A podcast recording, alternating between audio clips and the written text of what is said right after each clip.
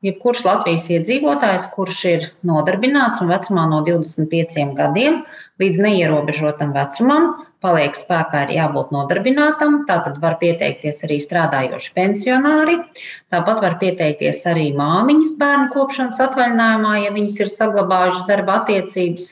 Pašnodarbinātie var pieteikties nu, jau septītās mācību kārtas ietvaros izsludinātajās izglītības programmās. Tātad kopumā mēs projektā jau īstenojam septīto mācību kārtu.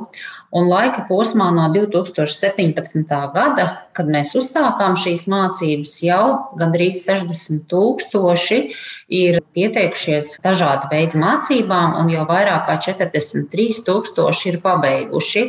Jo daļa vēl turpina mācības no iepriekšējām kārtām, Tas ir saistīts ar to, ka izglītības programmu garums ir ļoti dažāds.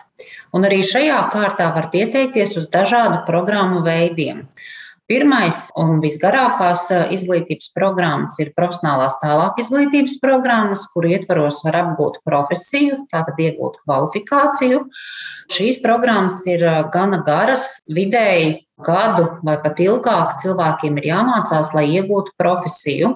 Nākamās ir īsākas profesionālās pilnveids izglītības programmas, ir no 160 līdz 320 stundām.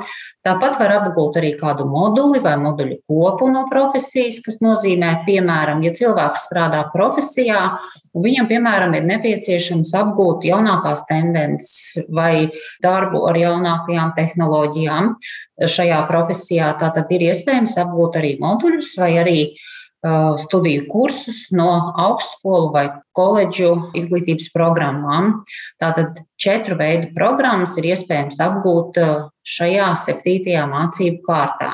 Jā, jūs varbūt varētu vairāk izstāstīt uh, par programmām, par varbūt lielākiem virzieniem, kādus ir iespējams apgūt. Jā, nu, ja mēs skatāmies uz, uz nozaru griezumā, tad tas ir nu, tik tiešām šobrīd darba tirgu aktuāls un pieprasītas nozares, jo kā vispār veidojās mācību piedāvājums. Mums aģentūrā, tātad departamentā, ir izveidota mūža izglītības datu analītikas nodaļa, kurā kolēģi tad rūpīgi strādā un analizē darba tirgu, skatās darba tirgus tendences, skatās brīvās darba vietas, vakances, atalgojumu konkrētajā nozarē un profesijās. Tādējādi piedāvājot, sevišķi šajā kārtā, ir iekļautas tādas kvalifikācijas un profesijas, kurās vidējais atalgojums ir 7 eiro stundā un augstāk. Tas nozīmē, ka tie cilvēki, kas strādā mazkvalificētu darbu vai zemu atalgotu darbu, var izvēlēties tādas profesijas, kur tātad pabeidzot nākotnē viņiem ir iespējams saņemt lielāku atalgojumu. Un tātad šīs desmit nozares ir būvniecības nozare, dizaina un radošās industrijas nozare, drukas un mēdīju tehnoloģijas, EIKT nozare, enerģētika, kokrūpniecība, ķīmiskā rūpniecība, metāla apstrāde un mašīnzinības, transports un loģistika un uzņēmēja darbība finanšu grāmatvedības un administrēšanas nozares. Tātad visas šīs nozares ir iekļautas šajā septītajā mācību kārtā. Jā, vai jūs arī analizējot, redzat, kuras tad šobrīd ir tās pieprasītākās profesijas? Skatoties uz iepriekšējām kārtām, mēs redzam, ka cilvēkiem šobrīd ļoti aktuāli interesē tieši digitālo prasmju programmas dažādos līmeņos. Tātad, ja mēs ņemam šo kopējo skaitu, šo iesaisti pa nozarēm līdz šim visās kārtās, tad mēs redzam, ka no šiem te Eh, gandrīz 60 tūkstošiem. 29 tūkstoši ir izvēlējušies tieši tādas programmas, kuras ir attiecināmas uz EIKT nozari. Tātad tās ir dažādas digitālo prasmju pilnveide, attīstīšana, eh, tāpat tās arī profesijas ieguva, programmēšanas tehniķis vai datorsistēma tehniķis. Tātad šīs te digitālo prasmju pilnveida attīstība un ieguva ir tās aktuālākās projektā kopumā. Varbūt jūs varat arī pastāstīt par cilvēkiem, kas tad ir mācījušies vai joprojām mācās, kas ir šie cilvēki, vai ir kaut kāds tāds profils? Jā, mēs, protams, mēs skatāmies un analizējam šos cilvēkus un redzam, ka no visiem iesaistītajiem dalībniekiem tātad 63% sastāda sievietes un 37% sastāda vīrieši. Tas nozīmē, ka sievietes ir aktīvākas uz mācīšanos.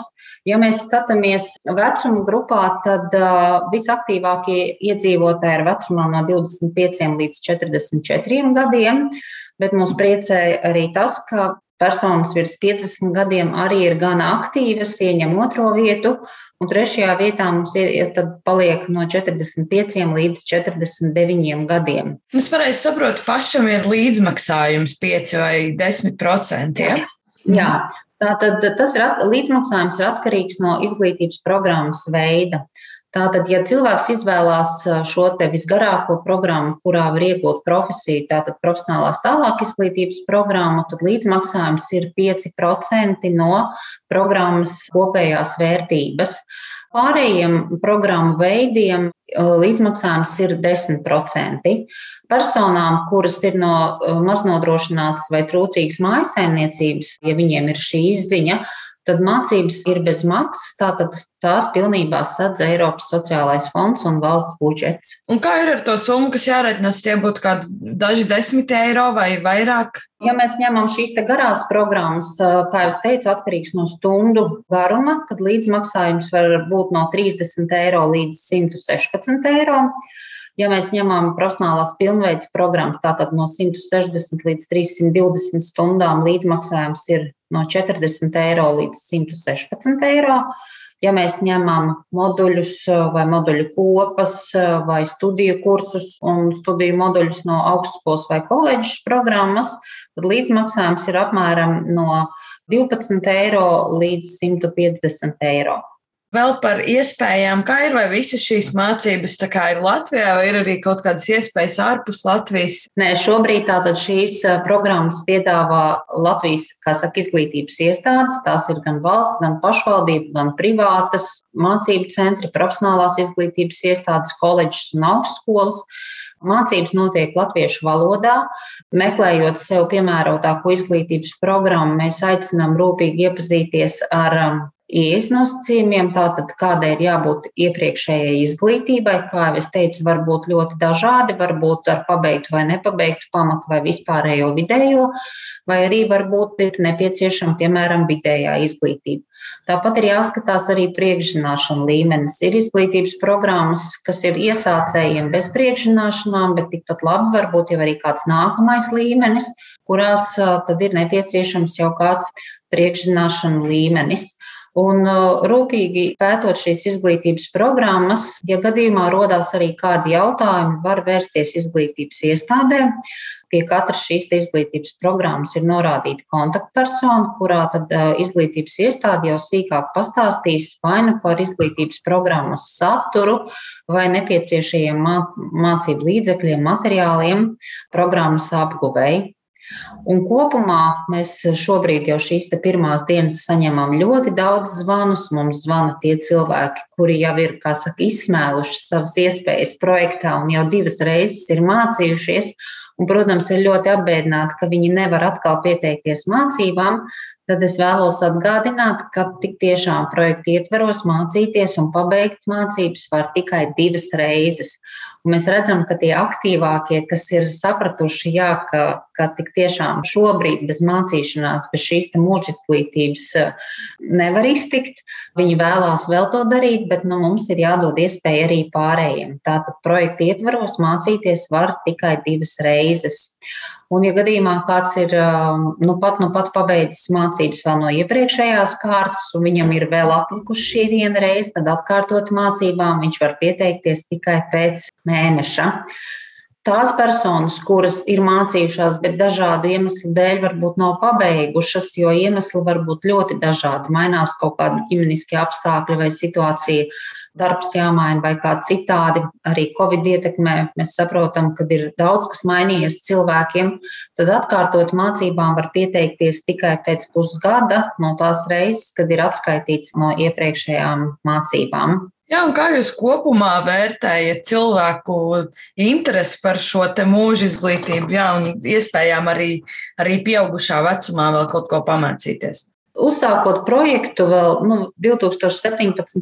gadā, protams, mēs sadarbībā ar Izglītības un zinātnes ministriju, veidojot šos projekta pieteikumu, kā arī izstrādājot dažādus normatīvos aktus un valsts politikas dokumentus, mēs sapratām, ka tobrīd kopumā valstī pieaugšā izglītība ir diezgan neatpazīstama un diezgan mazs bija tas procentu skaits to cilvēku, kas vispār iesaistījās. Bet eh, šobrīd jau, kā mēs redzam, šī aktivitāte uzņem apgriezienus. Cilvēki prasa arī par to, kas notiks tālāk pēc 23. gada, jo projekts mums ir līdz 23. gada beigām. Cilvēki interesējās, vai būs jauns projekts, kādas tad būs iespējas. Jāsaka tā, ka arī nākamajā programmēšanas periodā tiek domāts par to, tiek programmēts un būvēts šis pieaugušo izglītības atbalsts, jo, protams, to jau tagad eh, arvien vairāk un vairāk eh, cilvēki apzinās, ka ņemot vērā straujo darba tirgus izaugsmu un šīs darba tirgus tendences, šobrīd vairs nav iespējams strādāt tikai ar to izglītību, kas ir iegūta 10 vai 20 gadus atpakaļ, jo visu laiku notiek uh, dinamiska attīstība. Kā jūsuprāt, varbūt vēl vairāk šo cilvēku interesi par mūža izglītību vairot?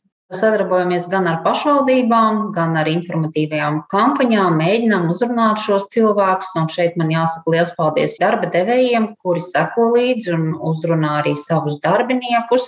Tādā veidā ar vien vairāk un vairāk mēs domājam, tātad, kā aizsniegt uh, šo mērķa auditoriju.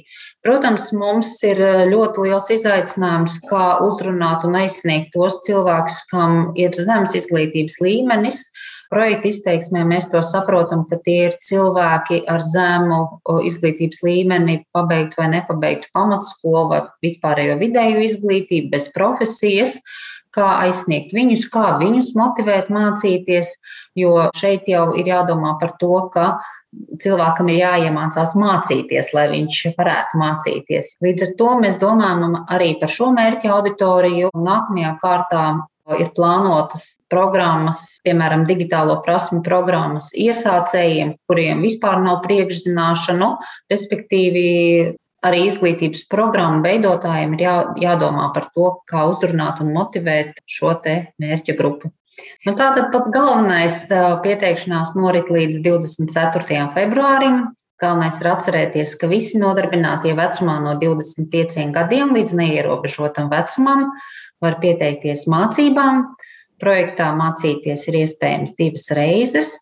Un galvenais ir rūpīgi iepazīties ar, ar izglītības programmu, piedāvājumu, ar izvēlētās izglītības programmas nosacījumiem un pieteikties mācībām.